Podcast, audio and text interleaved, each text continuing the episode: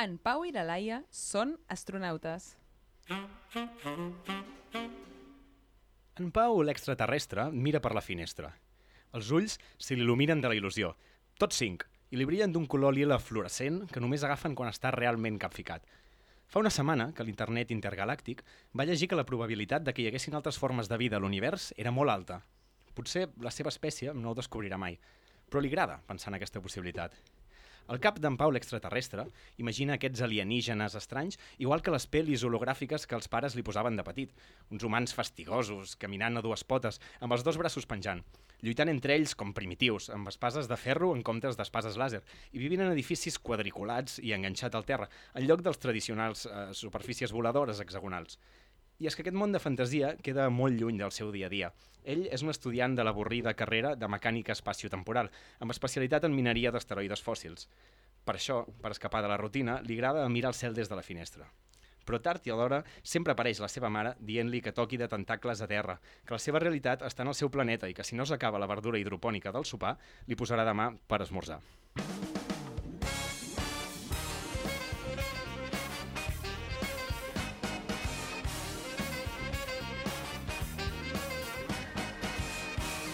Bona nit, som en Pau i la Laia i això no és un conte infantil.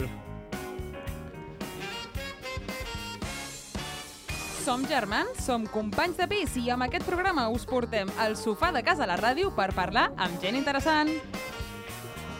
Avui ens acompanya un col·laborador que ha guanyat l'Oscar al millor friki d'Interstellar, el nostre Matthew McConaughey particular, Joan Francesc Garcia. I farem un gin tònic amb el millor divulgador científic del planeta, el nostre flipi de capçalera, Alberto Fernández.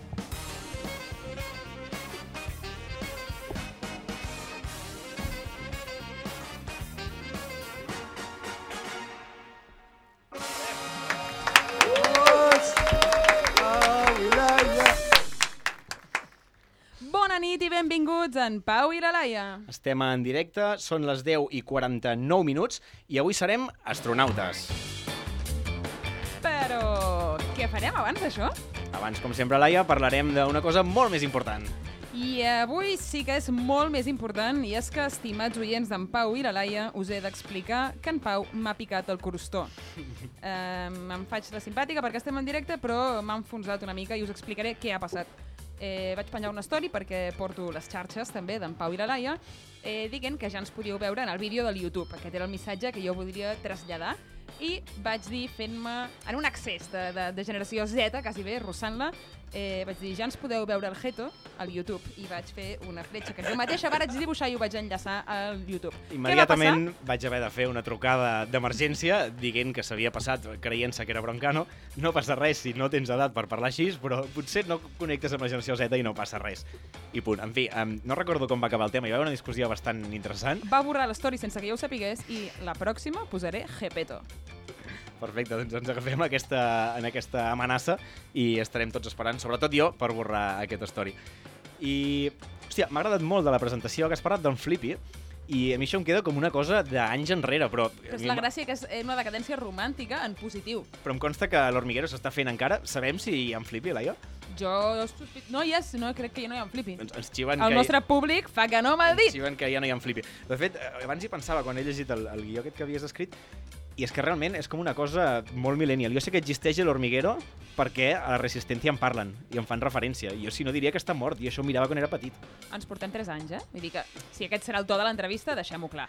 És un personatge que has agafat tu mateixa, llavors ara assumeix, assumeix les conseqüències. És veritat que no l'he consumit mai en directe, l'Hormiguero, i també sé que existeix i sé inclús el, el Flippy.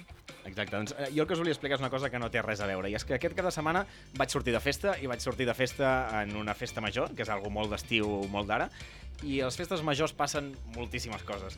Però una de les coses interessants que passen, almenys de les més boniques, és que et retrobes amb amics de fa molt de temps, de, del poble segurament, que no veies, de la infància, de l'escola, i això em va passar aquest cap de setmana, eh, que em vaig trobar amb la Irene en concret, que em va dir, primer de tot, que era oient del programa, per tant, estem encantats de que així sigui, punt positiu per l'Irene, i a més a més em va dir que no sé si recordava Com vosaltres sabreu, el nom d'aquest programa, En Pau i la Laia, està inspirat en uns contes infantils eh, il·lustrats per la Pilarín Vallès i em va dir, diu, és que aquests contes els passava jo després de jo i la meva germana haver-los llegit amb nosaltres, Pau i Laia. Per tant, eh, des d'aquí faig una petita referència a l'Irene Iglesias i la saludo també per una cosa que m'interessa molt, que és que jo no li diré que he parlat d'ella i, I així, així sabré sabrem si realment escolta. escolta o, o no escolta el programa. Amics de l'Irene, no li digueu que la nombrem, perquè si no s'espatlla el joc. Gràcies pels llibres, per cert. Mira que lluny que han arribat i a veure si venen un dia a l'estudi. Vinga, gràcies pels llibres i arrenquem. Eh, recordem que estem en directe, com sempre, al 94.6, avui i cada dimarts a les 11 de la nit. I també ens podeu escoltar, com sempre, als podcasts a l'Spotify o al YouTube. I, si ho preferiu, també ens podeu veure les cares o els jetos, com preferiu. Sempre buscant en Pau i la Laia. Vinga, passem a un tema molt més important perquè a aquestes alçades de la pel·lícula la gent ja sap que el més interessant aquí passa abans d'obrir els micros. Per tant, Laia, sisplau, explica'ns què ha passat abans del programa. Els oients més fidels ja sabeu que quedem amb el convidat una hora abans de començar l'emissió en directe i prenem algú aquí al costat, a la plaça Osca, i xerrem una mica, ens coneixem millor i li expliquem els detalls del programa. Així d'aquesta manera aprofitem per acabar d'analitzar-lo bé. Amb l'Alberto he de dir que ens coneixem de fa temps. No us podria dir ben bé de què ens coneixem ni quants anys fa exactament. Però sé que m'ha regalat tres llibres. I per què no? Això també pot ser una unitat de mesura. Des del minut 1 que li van proposar he de venir aquí a la ràdio com a convidat estava molt dins. I és que a més de la ciència també li encanten els mitjans de comunicació, ja ho notareu. Romàntic com és, em jugo al cap a que la ràdio és un dels seus preferits. Avui ha arribat sol, ha arribat puntual, de fet, ha sigut el primer en arribar, està molt moreno, quasi bé no el coneixia, i fa cara de, de, de bon viure. Es queixa una mica de la calor, però va cada dia a la platja. I és que l'Alberto portava gairebé 7 anys a Madrid i fa poc que ha tornat a instal·lar-se a Barcelona. Se'l veu content. I si li dius que t'expliqui què està fent, no acabareu mai. Sempre té 2.000 projectes en marxa i uns altres 3.000 que estan en ment. Ha participat a programes de tele, de ràdio, ha fet tropecientos articles, xerrades i tot sempre amb el denominador comú de la ciència. Avui el tenim agobiat per si acabarem a l'hora o no el programa, ja que després ha quedat amb algú aquí al costat. Serà una cita? Ja li preguntarem, però sigui com sigui, vaig obrint el minibar, que d'aquí uns minuts el tindrem a l'altre costat de la barra.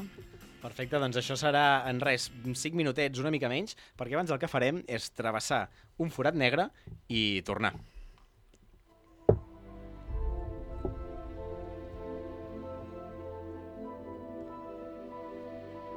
Diuen que abans miràvem cap amunt somiant amb quin lloc ocuparíem entre les estrelles. I ara mirem cap avall preocupats amb quin lloc ocuparem entre la pols de la Terra. Si encara no ho heu endevinat, això és Interstellar, perquè a continuació posarem la nostra nau, aquesta petita nau radiofònica, a disposició del nostre pilot espacial particular, que és el Cooper de l'Eixample Esquerra, Joan Francesc Garcia. Bona nit, Joan Francesc, com estàs? Bona nit, Laia. Bona nit, Pau. Bona nit, germans. Els nostres Jonas Brothers particulars. Què tal, com estàs? Uh, la veritat és que és un honor estar aquí. Eh, he hagut de treballar molt per arribar fins aquí. I, per Imagino tant, que, a més, és un tant, honor... és un honor per part meva, eh? Imagino No que també és part de l'honor entrar amb, amb aquesta música, perquè explica'm, quants cops has vist Interstellar? Intentaria no exagerar i estaria... que està bastant de moda dir un rank entre 15 i 25, segurament no m'equivocaria. Més tirant cap a 25, ok? I la pregunta que realment m'interessava, que és que mm, has plorat tota i cada una de les, de les vegades que has vist la peli? Doncs és trist, però segurament eh, vaig deixar de plorar. En algun moment vaig deixar de plorar O sigui, es i deixa. segurament és una pena. En tot Doncs- cas, estem aquí per explicar una mica els entresijos d'aquesta pel·lícula. Doncs hi ha llum al final del túnel, algun dia deixarem de plorar, jo encara no he arribat, i si et sembla et faig una proposta que és uh, canviar-te aquesta música, que és una mica de bajona, i et Sí. poso música de col·laborador i ja arrenquem.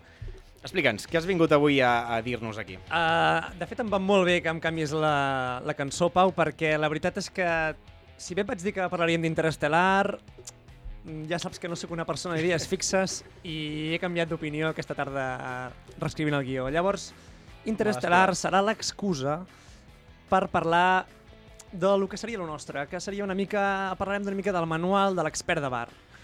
En aquell... Jo em sento molt més còmode perquè no he vist Interstellar i m'agobiava. No, però tot això no deixarem mai Interstellar, és a dir, serà el, el guió una mica el, el que ens anirà guiant, però eh, mai millor dit, però parlarem una mica de el que jo anomeno el listillo de bar intergalàctic. Jo també em quedo més tranquil perquè sé que si d'algun tema saps perfectament i de primera persona és precisament els experts de bar. Correcte, avui vinc una mica a ensenyar-vos com defensar-vos en poc menys de 5 minuts en conversa de bar i sense tenir ni puta idea de res sobre la pel·lícula, el per què Interestelar és la millor pel·lícula de la història. Doncs Laia, pren nota perquè tu que no l'has vist segur que t'interessa. De fet, no us cal saber-ne de cinema, no us cal saber-ne de música, ni de fotografia, ni d'escriure guions. És més, no cal haver-la vist, Laia, sé que això t'ajudarà, no cal ni tan sols que hagueu trepitjat mai una sala de cinema. Només un bar. Aquesta sóc jo. Doncs uh, crec que si escolteu atentament aprendreu uh, tips bàsics per moure's en converses de bar. Perquè no ens enganyem, veig molt de hi-ha-ha, però aquí amb, amb quatre cervesetes tots hem defensat coses indefensables, eh, perquè la cervesa et dona aquest puntillo, no? aquest, aquest convenciment del que estàs dient. Perquè sí, perquè és el que fem els experts. Parlar de tot sense saber una merda de res, a sobre fer-ho amb confiança, com si ens anés la vida, com si ens cobréssim un euro cada vegada que diguem lo bo que és Christopher Nolan. Sobretot Fent com un- si ens hi és la vida. Sí, sí. Sí, fent un traveling especial. Christopher Nolan és, un, és una persona especial. Així que aquí van tres tips, intentaré no, uh, no allargar-me massa, però van tres tips per ser el listillo de bar intergalàctic. Primer tip. Aquest seria bastant genèric. És a dir, Un moment, perdona que t'interrompi, sí. Joan Francesc, però jo crec, Pau, que per seguir amb la tònica i donar un fil conductor en aquest programa, eh, ja que va de tips, ja saps que està bé si fas un acord. Tenim, he sentit que tenim una numeració. Estem parlant de checklist? Estem Ah. parlant de tips? sí, En aquest cas em tocarà Ah. fer la cortinilla. crec que m'atreviré amb l'anti-checklist. Tenim un oient del programa. Què necessites? Alguna mica misteriós, una mica especial? Mm, endavant. Ens ho inventaré igualment, eh? Vull dir, jo pregunto, però... I tant. Vinga. Segurament Hans Zimmer això t'ho arreglaria bé. Però l'idea està allà. L'idea està allà. Uh, primer tip, seria un tip genèric. Uh, tant ens serveix per parlar d'Interestel·lar com, uh, jo que sé, de la prima de risc o de la meteorologia, que és utilitzar sempre de la vida anglicismes. Utilitzar anglicismes és l'ABC dels experts de tota la vida. I us semblarà tonteria, però és el que fan tots els cretins, listillos, crítics de cine que pots llegir a Film Affinity. No diré noms, però per exemple, Carlos Bollero del País, si ens estàs escoltant, eres un flipao. Eh, aquí tenia apuntat risses. vale. Per tant, som amb els anglicismes. En el cas Interestelar no parlarem mai d'actors, apunta Laia, si parles d'Interestelar mai d'actors, sinó que parlarem de cast. Tampoc Bàsic. parlarem mai del guió ni de la seva complexitat, sinó que parlarem de screenplay i afegirem si pot ser una metàfora geomètrica com podria ser un screenplay tan polièdric i rodó al mateix temps. Per suposat, mai parlarem de pressupost, que ja de per si podria ser un tema bastant tècnic, sinó que parlarem de budget. En total ens podria quedar una cosa així, si us plau, Pau, si pots baixar la música, que posarem una mica de tonecillo, de listillo de bar. Endavant. Home, doncs uh, la veritat és que amb el budget que disposava Nolan es podia permetre un cast com el que té, amb en Hathaways, McConaughey o Michael Caine. Uh, tot i així, el que em resulta més amazing uh, seria la capacitat de crear un screenplay tan polièdric i tan rodó al mateix temps. És un producte molt finet que va molt més al concepte blockbuster. Endavant, Com, doncs. compro moltíssim arrastrar les paraules. És el nostre expert de bar.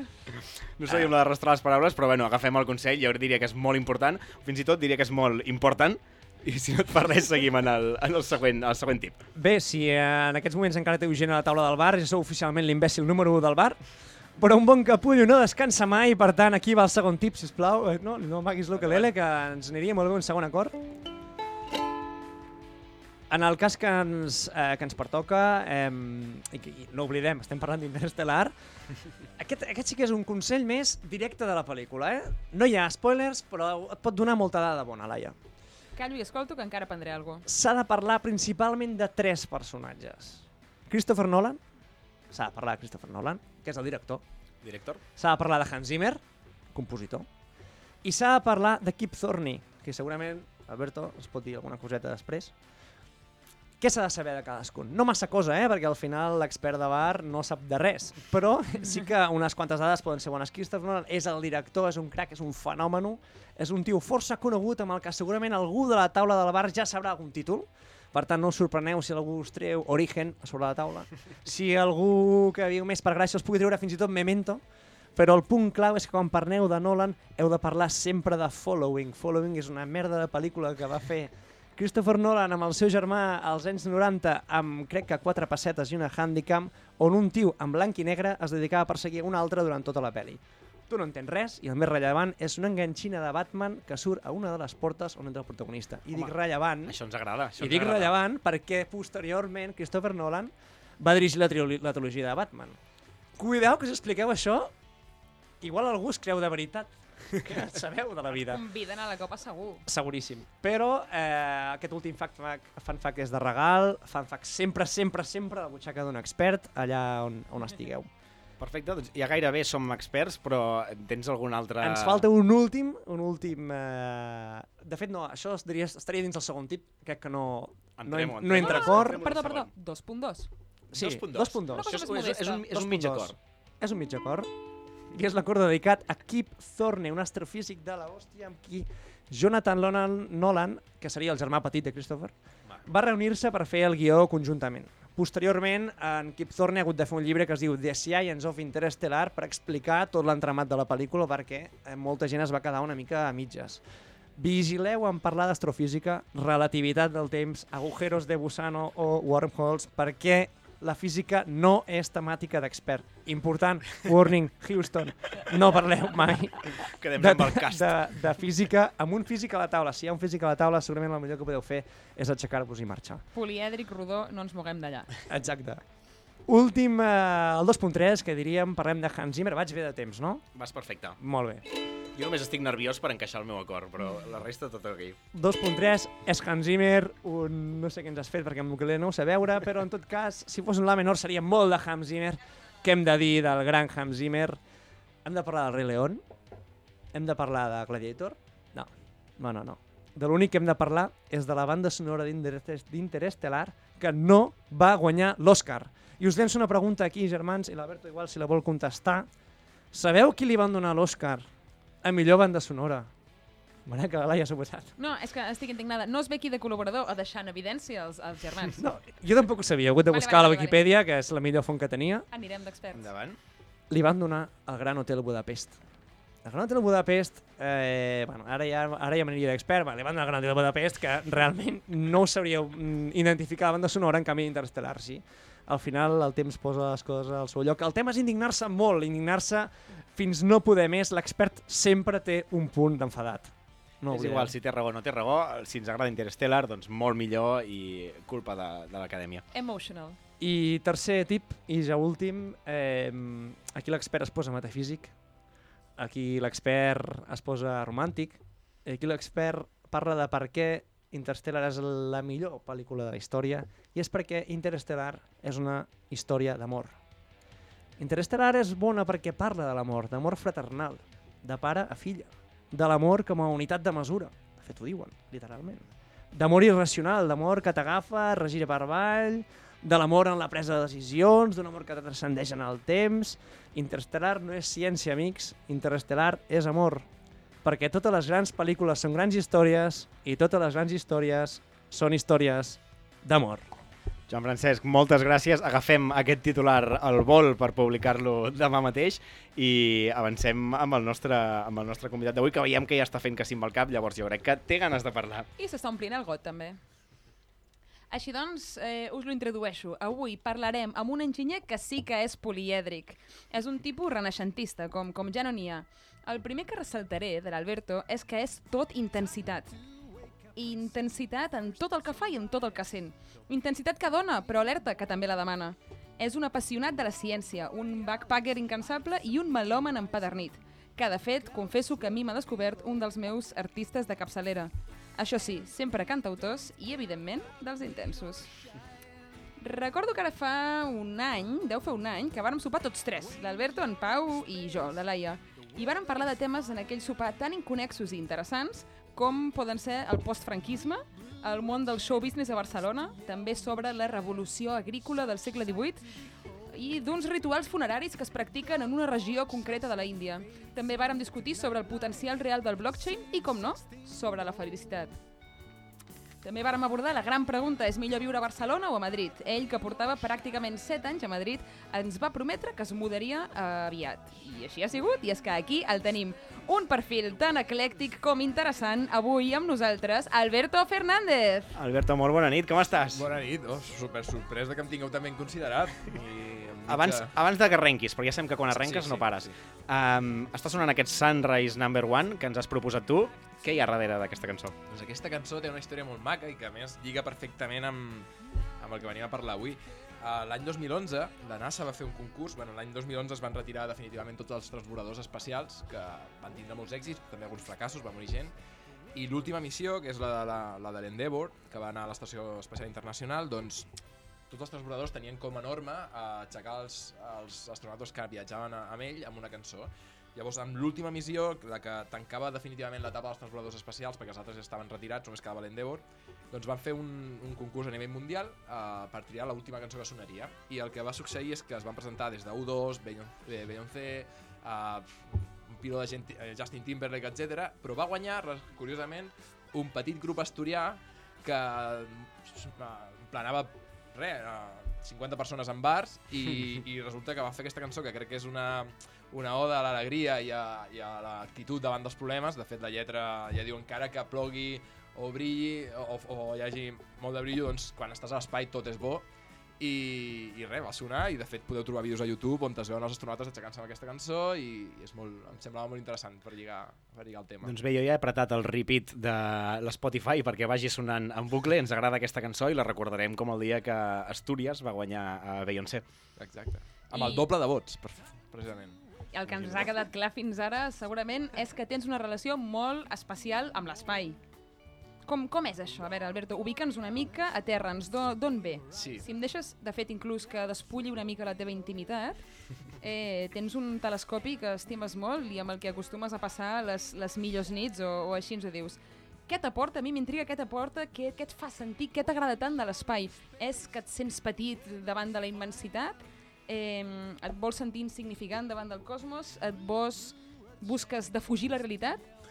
Vale, de fet, tinc tres telescopis, un per diferents objectes celestes de, del cel, un per objectes propers, un llunyans i un entremig, que és el que més em porto per ahí. Um, a mi perquè m'agrada, de fet jo tinc la teoria de que a tothom li agrada això, i ho he provat a més. Gent que estava molt allunyada d'aquests temes, quan li ensenyes Saturn amb un telescopi amateur i el veu mig borrós però està veient ell directament i està veient els anells, tothom fa la mateixa exclamació.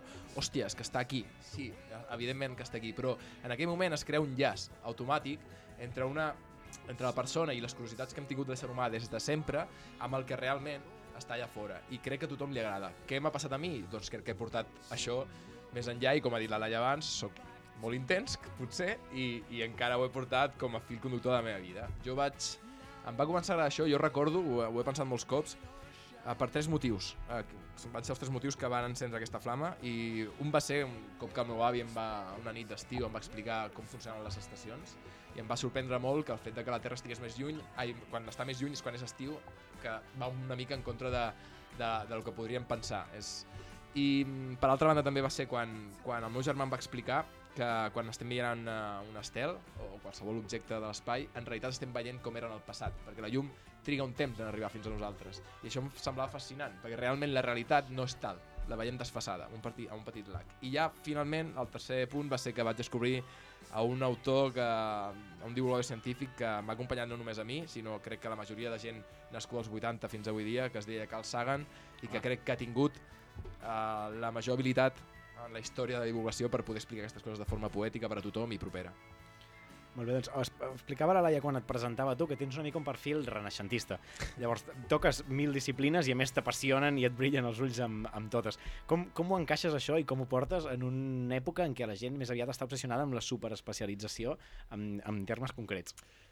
Doncs al final ho veig des del punt de vista de que eh, aquí us en riureu, però hi ha una novel·la que es diu Fahrenheit 451 de Ray Bradbury, Mhm. que el que diu és que quan... Um, bueno, és una història, uh, una distopia, uh, on te, uh, transcorreix en un món futur uh, on s'han cremat tots els llibres i la gent memoritza els llibres. Jo vaig llegir aquesta novel·la des de ben petit i llavors vaig decidir que, de, que això podia passar i que m'havia de llegir tots els llibres possibles de qualsevol tema perquè si mai passava havia de saber transmetre-ho a, a les següents generacions. Llavors vaig aprendre moltes coses i això crec que ha fomentat la meva curiositat. També he de dir que la meva família en general m'ho ha inculcat molt perquè a casa sempre he tingut llibres i de qualsevol mena i que en certa manera sempre hem amat des de història, política, passant per ciència, o, en fi. Doncs parlant de llibres, precisament, no només memoritzes, sinó que també els escrius. Eh, què tens entre mans, et volíem preguntar. Amb què estàs ara? Perquè Que sempre ens són puguis projectes. explicar.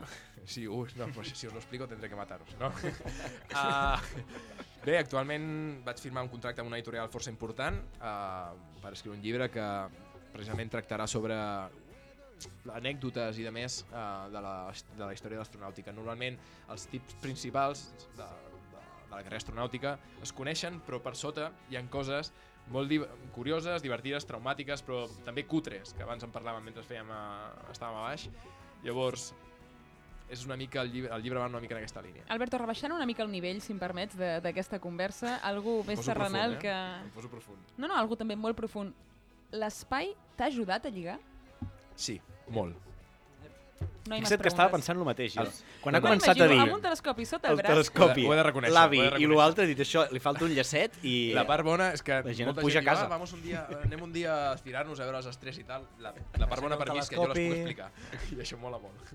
No, però està perfecte perquè ara ja puc obrir Amazon i començar a buscar telescopis per posar a la terrassa de casa. Així doncs, i en col·lació del que ens estaves explicant, de que hi ha mm, passatges una mica cutres de la, de la carrera espacial que molts cops desconeixem, què et sembla, Alberto, si ens ajudes a desmuntar mites, no? aprofitant que aquesta setmana eh, es compleixen els 50 anys de l'arribada de, de l'home a la Lluna. Eh, per exemple, si et dic, Alberto, l'home realment va arribar a la Lluna? Evidentment que sí. Però saps que hi ha teories conspiratòries, oi? Totalment. Es desmunten en un minut, cada, cada argument que donen en un minut està desmuntat. Què et fa pensar tu com defensaries que l'home sí va arribar a la Lluna? Si hagués, hi ha, en, el, en el món aquest de la conspiranoia eh, de l'arribada de l'home a, a la Lluna, hi han com varis arguments que es repeteixen sempre, però em centraré en un parell que crec que són demoridors i precisament són els que no són palpables, d'acord? Perquè, per exemple, analitzar fotografies i a més són proves molt empíriques, però hi ha alguns que, si apliquem la racionalitat i intentem entendre'ls, veurem que és, és definitiu. Um, el primer de tots és que va ser una carrera espacial una carrera política en el fons i mig militar entre la URSS i, i Estats Units. Tant la URSS com Estats Units tenien espies a l'altre bàndol, però molts. Era, era increïble, de fet s'ha filtrat en els últims anys la quantitat de gent que hi havia i pràcticament dos de cada deu treballadors en, en el projecte uh, per arribar a la Lluna o a l'espai de cada país eren espies. Quan, quan la- els Estats Units va, va, va fer arribar l'Apolo 11 a la Lluna, els russos tenien espies a tot arreu i no van dir res, van acceptar la derrota. A mi això em sembla demolidor. Quin millor motiu, si saps que és un frau, per deixar en evidència el teu rival número 1 a nivell polític, a nivell científic, engi- d'enginyeria, de, poder, de, de poder militar, etc que poder dir, eh, no, no, mira, és que tenim aquí les proves. I no ho van fer. I estem parlant que potser hi havia més de 2.000 persones, 2.000 espies a cada país. M'encanta l'argument dels espies, És no l'havia molta sentit gent, mai. Eh? És molta gent. I l'altra ve una mica també en aquesta línia. En el projecte Apollo van participar directament 400.000 persones, enginyers, administratius, de tot, i indirectament un milió de persones, inclús gent, d'Espanya. I ningú, ningú es va xivar de res quan, uh, quan a Juli César el volien... Les conspiracions a la història de la humanitat són cutres. Vull dir, es, es saben davant mà. Quan a Juli César l'anaven a assassinar, ho sabia tot, tot a Roma. I de fet, uh, li van dir, el, el van matar el 10 de maig i li van dir, eh, perdona, el 10 d'abril, i li van, el mateix 10 d'abril Juli César li va dir a una persona d'allà eh, és, és el dia 10 i encara m'han matat i li van dir sí però no ha acabat el dia 10 i al final del dia, el, el dia 10 el va matar el seu fill. Però per exemple l'escàndol Watergate es va saber als 6 dies Mm, va haver un escàndol amb la NASA que va ser amb el transbordador Challenger que va, va patar i, i va ser per una junta que havien comprat de forma molt barata etc. es va saber als 4 dies. Les conspiracions de per si són, són, són cutres. No, no som capaços de guardar-nos un secret entre nosaltres entre molta gent, imagina't entre un milió de persones Sí, de tant en tant surt algú que diu jo hi vaig treballar, sí, aporta alguna dada, algun, algun document realment oficial. Contrasta. I no n'hi ha realment No n'hi de ha. dades. Crec que ens humanitza saber que tots som cutres, no? Som així, són cutres però són molt macos. M'agrada molt el tema de que les conspiracions són cutres i, sens dubte, l'arribada de l'home a la Lluna no és una conspiració, però això segurament no salva a la NASA de que tingui una sèrie de coses cutres i, i jo el que sé és que tu en saps unes quantes. Sí, de fet m'agraden molt aquestes històries perquè realment, com dius tu, ens humanitza molt. Per exemple, sempre hem escoltat que, que bueno, no, Neil Armstrong va ser la primera persona que va, que va, va trepitjar Això m'agrada molt, això m'agrada molt. Sí. Perquè n'hi ha un que no va baixar. Phil, eh, sí, Michael, això, no? Michael Això Collins. Michael Collins, Michael que, Collins. Que el de fet és l'home més solitari de la història de la humanitat perquè ha estat més lluny que ningú, a la part, a la part oculta de la Lluna, i sol durant diverses hores, mentre, incomunicat perquè no hi havia visió directa amb la Terra. Llavors estava sol. Aquell divendres a la nit que no tens plan, pensa en ell, no? Pensa en Michael Collins. Perquè a més, orbitant, i corregeix-me si és veritat, passava per la part fosca, no entenc? Sí, clar, donava la volta i, i Uau. al donar la volta estava incomunicat de res, no tenia visió directa amb la Terra, no podia comunicar-se amb ningú i va estar unes hores sol. De fet, no sabria què passaria, ni tampoc sabíem què hi havia a la part oculta. Llavors, era un misteri. I va estar per allà donant voltes. La trajectòria estava fet, o sigui, ell anava tirant. La, la, Sí, vol, sí, la anava volta la tirant, feia. No, la no, no, la feia. havia de fer res. Ella estava allà, jo m'imagino mirant per la finestra i mirant així a la part oculta, aviam si veia alguna cosa, però estava a les fosques, així De fet, us haig de confessar que sabeu que el programa el comencem amb un conte petit que, que sempre llenço al principi de, per obrir el programa i una de les opcions que tenia i que de fet tinc un mig paràgraf escrit és la història de Michael Collins donant voltes sol i què li passa pel cap en aquest home. Potser me'l guardo i potser el traiem a la Hi ha, segona Hi ha temporada. entrevistes que li han fet molt interessants i que val la pena llegir-los perquè noten, notes molt la, la, la, la part aquesta tan humana de, de sentir-te sol i de més. Parlàvem, us estava dient això, eh, eh, Armstrong va ser la primera, el primer ser humà que va, va arribar a la Lluna, però no va ser la primera cosa humana que va arribar a la Lluna. La primera cosa humana que va trepitjar la Lluna uns minuts abans van ser les caques dels astronautes perquè el mòdul espacial estava preparat per arribar a un cert pes, perquè a l'espai tot el que es llença està... El combustible necessari per llançar-lo està calculat al mil·límetre. I, clar, el mòdul lunar estava preparat per carregar un cert pes i després havien de buidar aquestes cagues uh, i restes d'orines i a més a la Lluna, que de fet estan allà, i ara es tornaran a, a recuperar uh, d'aquí uns anys, i, i havien de carregar un quilos de, de roca. Llavors va ser la primera cosa humana que va trepitjar la Lluna. De fet, lligant-ho amb això, a la pròxima missió a la Lluna, l'objectiu principal no és analitzar la Lluna, és anar a buscar aquestes cagues, perquè estan plenes de bactèries. Això és real, eh? És l'objectiu principal, anar a buscar aquestes cagues que estan plenes de bacteris per veure si han sobreviscut o no.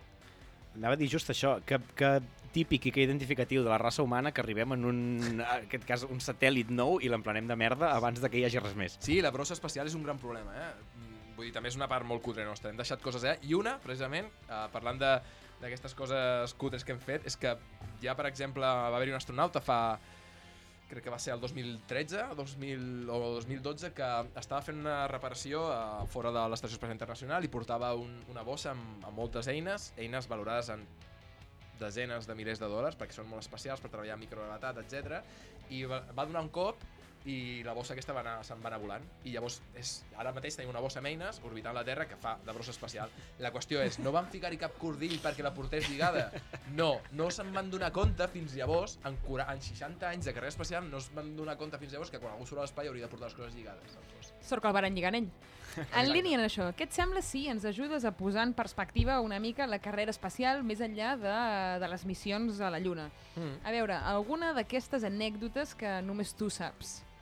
Que, que, quina, quina et vindria al cap? I som conscients de, de l'atraco que això suposa. Mira, hi ha, hi ha un parell de coses eh, que em semblen interessants. La primera és que la carrera espacial no hi ha una data definida de com va començar o quan va començar, perquè eh, des de principis del segle XX es van començar a fer proves, diferents persones a diferents, del món, a diferents parts del món per poder llançar coets suborbitals. Però jo, a mi m'agrada sempre, i de fet el llibre comença, el que estic escrivint comença en aquesta data, diguéssim que la fita per mi més, més important va ser quan quedaven mesos perquè acabés la Segona Guerra Mundial. Va haver-hi una, una operació que la gent no coneix, que es deia l'operació Paperclip, entre russos, bueno, mm, rivalitzaven russos i americans, era la final de la Segona Guerra Mundial, però començava la Guerra Freda, on va haver-hi una competició brutal, amb morts i tot, una guerra, una subguerra dintre de la Segona Guerra Mundial, que en la Segona Guerra Mundial eren aliats, però per, en, per sota en aquesta operació eren rivals, per això dic que van haver-hi morts en ambos bàndols, per intentar capturar tots els científics alemanys. Per què? Perquè els científics alemanys havien desenvolupat un coet que es deia V2, que tenia la capacitat de ser intercontinental i, poder, i a més molta potència, carregar molt de pes i a més, i va ser l'origen de, de, de, diguéssim, dels coets americans i en part també l'origen dels coets russos. Els russos, diguéssim, que van desenvolupar molt més la seva tecnologia. Llavors van haver-hi morts entremig i els... La, la millor part se la van emportar els russos, però és veritat que els americans es van emportar els caps. Diguéssim que uns es van emportar tots els enginyers i els americans els jefes, que un va ser Ernest von Braun, que va ser l'inventor de... Bueno, el pare de la carrera espacial americana i que, que de ser nazi i de fer bombes per matar en, tothom li van donar la nacionalitat americana i va acabar sent un ciutadà idíl·lic. Wow. Fort. Aquesta és una història molt interessant. Um, N'hi ha Per més. jo una que m'has donat abans un titular, quan pujàvem, i m'he quedat amb les ganes de saber més. Eh, afaitar-se, barba. Et, ah. Et diu alguna cosa? No, no, no, no sé el Sí, final. hi ha coses molt humanes, hi ha coses molt humanes. Per exemple, t'explicaré dos molt ràpides. La d'afaitar-se i un sàndwich. Un sàndwich pot ser molt perillós, també. La, la, la d'afaitar-se és que bé, uh, no estava plantejat, que, no, ningú se li havia corregut que un astronaut es volgués afaitar a la, a l'estació espacial o a una estació espacial qualsevol, i llavors els respiradors i que, que al final allà no, no tens aire, llavors has d'estar reciclant permanentment l'aire.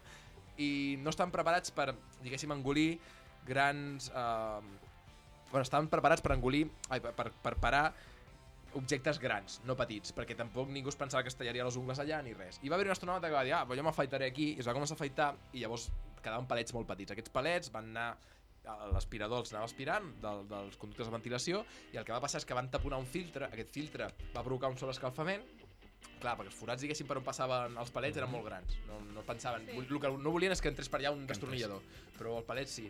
Llavors va acabar taponant un filtre, aquest filtre es van escalfant, això va activar alarmes i sensors i van estar a punt d'haver d'avortar la missió i haver de marxar amb, amb una sonda de salvament.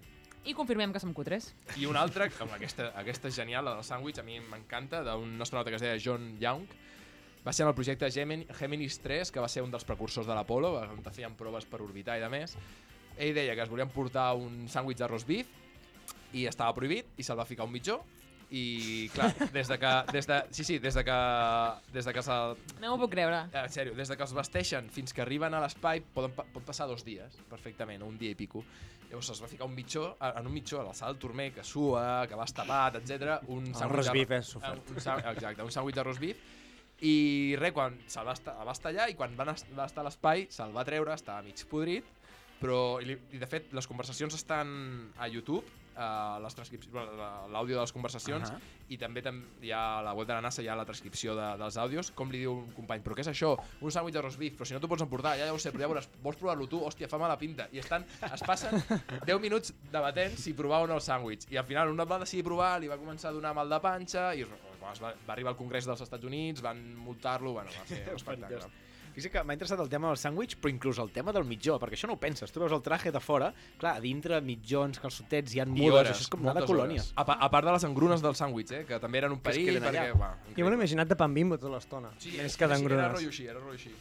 I una mica d'aquests americans que són com un sap gruixut, sí, sí, sí, estil... Sí, sí. estil... És que, el, els sàndwichs que s'enviaven a l'espai, que s'enviaven, els donaven sàndwichs, tenien una, una cobertura gelatinosa precisament perquè no sortissin engrunes. Aquest no, perquè estava agafat eh, precisament d'un bar de molt a prop de la zona de llançament. Vull dir, és que és, no pot ser més cutre, saps? Ningú Estem va... parlant de John Young, el meu ídol. John Young. Des de... I ara buscant una mica més de glamour en l'espai, si em permets, i mirant cap al futur. És esperançador el futur espacial? Què en penses tu? És a dir, estem d'acord que és un, un àmbit, un sector no? que està en, en canvi brutal. Abans eren URSS i Estats Units, com dius, ara hi ha sector privat, hi ha SpaceX Blue Origin, o el que és el mateix Elon Musk i Jeff Bezos. Eh, que, quina serà la veritable revolució de l'espai serà la democratització tu mateix. Sí. Um... I el que ens interessa de veritat, mm, serem una espècie que viu interplanetària? Sí, de fet... Interestellareja en futur? De fet, us recomano una sèrie que està a Amazon Prime, abans estava a Netflix. Però... Mars, hi ha un espanyol. però ara l'ha comprat... Ah, sí, exacte. Però parlat, tu. Ara, ara l'ha comprat Amazon Prime, que es diu The Expanse, és una sèrie de ciència-ficció, uh -huh. però que... Barreja, no? Crec que és molt molt fidedigna amb el que serà la història de la humanitat a curt plaç. De fet, jo crec que en 100 anys, més o menys, ja pot arribar a ser els inicis de, de com està aquesta sèrie i del que planteja aquesta sèrie. Què planteja? Doncs serem una espècie interplanetària segur. Vull dir, no ens queda una altra. Vull dir, en, aproximadament 3.000 anys... Ai, 3.000... Eh, no, 3.000, sí, 3.000 milions d'anys, que sembla molt, i és veritat que és molt, el Sol engolirà la Terra.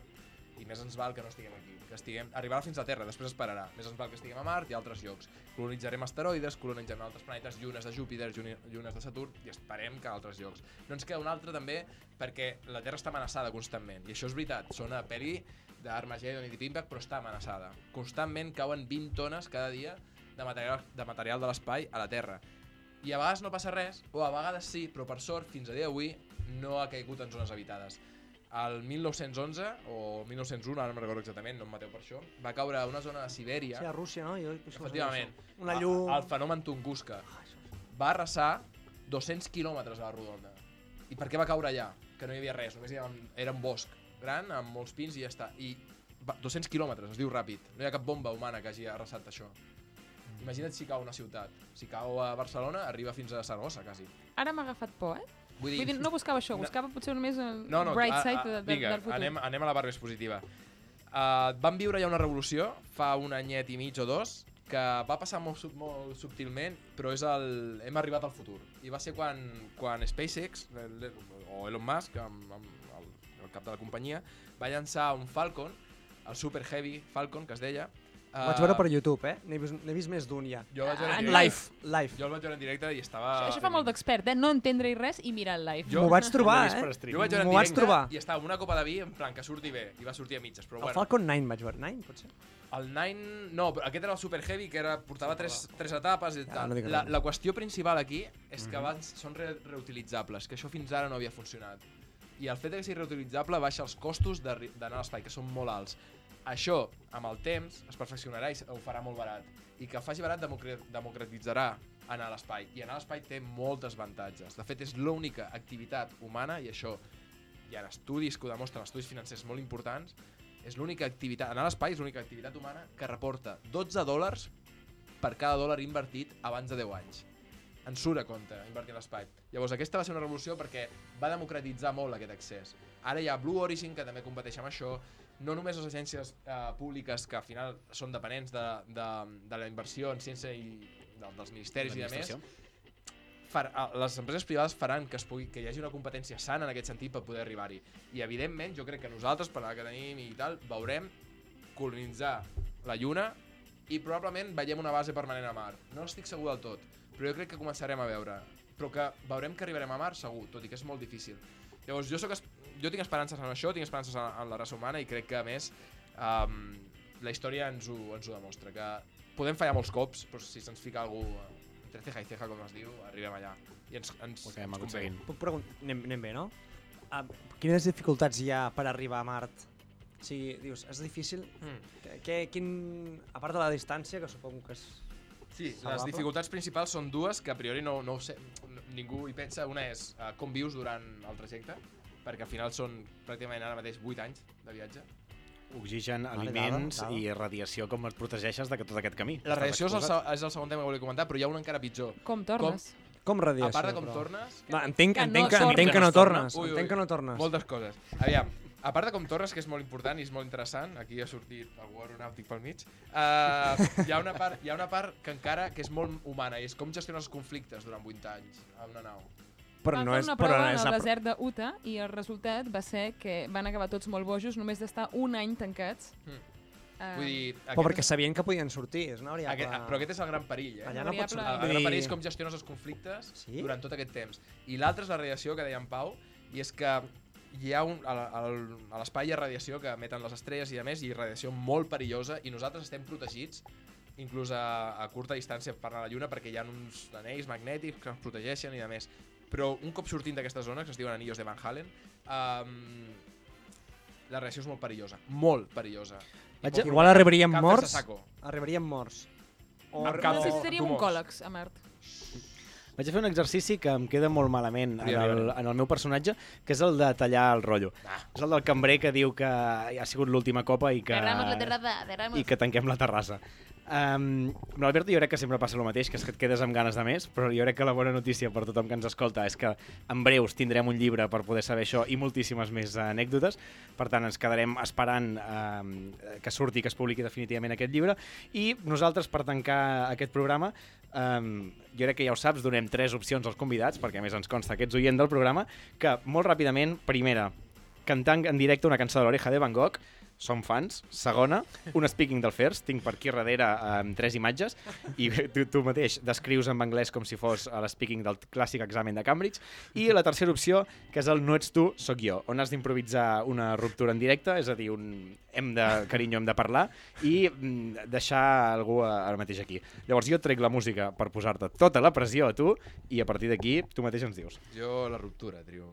Uh, Però, però, sin hesitating, eh? Molt clar. Però tenim No, no. banda sonora, o no? La tenim. La tenim, Alberto? Vinga, coma- comencem, comencem, comencem. Uh, No hi ha manera bona de començar això sempre. carinyo... Els oients no um, l'esteu veient, però està molt consternat. O sigui, com físicament la seva postura ha canviat, la cara també s'ha acomodat a la ruptura. Estarà acostumat a deixar gent? Aviam, espera't. Um, carinyo, pots, pots parlar? Va, bueno, res, no, um, no sé si t'agafo bé, però és que ja fa temps que... que, que... Alberto?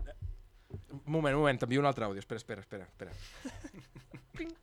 Ara, ara, perdona, perdona. És que uh, t'anava a dir que, uh, mira, fa temps que volia dir una cosa important, que um, és que, mira, no sé, fa dies que no ens veiem, uh, no sé, tu no penses que la màgia està pagant una mica, que no... No, no, so, no és el mateix que abans, ja, tu ja saps que... que Alberto, Eh, No, mo- no sé què ha sigut esto. Ha, sigut- ha sigut... Crec, per, mm, ha sigut algo raro. No sé, espera't, eh? T'envio un altre àudio. Un moment, un moment, un moment. Pling. Um, eh, és que sí, els veïns que estaven per aquí fent una història rara i tal, i, i de més. Eh, res, res, bueno, no sé, no sé si val la pena que quedem per parlar, i a més jo el que et volia dir és que, que al final, no sé si ja hem arribat al, al, Carinyo, al final... un moment. Eh, pling! No sé, que, és que m'està fallant el mòbil, la veritat és que és una cosa molt estranya, no, no, no entenc realment què està passant. Eh, que tu, que m'he de tornar al Pro Evolution, que és que m'està esperant un col·lega, que, que estem aquí jugant i de més, i, i, i clar, eh, ja m'entens. Que ho, ho, ho deixem si vols, vale? que, eh, Uh, de, ho deixem si vols, no, ho, deixo, ho deixem perquè jo vull. Que, sí, de cas ja parlem un altre dia, vale? Uh, mm, ha sigut un, molt maco, molt maco. Sí, sí, ja, ja voy, ja voy, ja voy. Ja. Alberto, moltíssimes gràcies per ser aquí i per Gràcies. venir a fer una copa amb nosaltres. Veure sols hagués sigut més avorrit i sense cap mena de dubte que menys interessant. Torna quan vulguis i recorda, la pròxima copa la pagues tu. Moltes gràcies. Fins dimarts que ve. Vamos! Paula,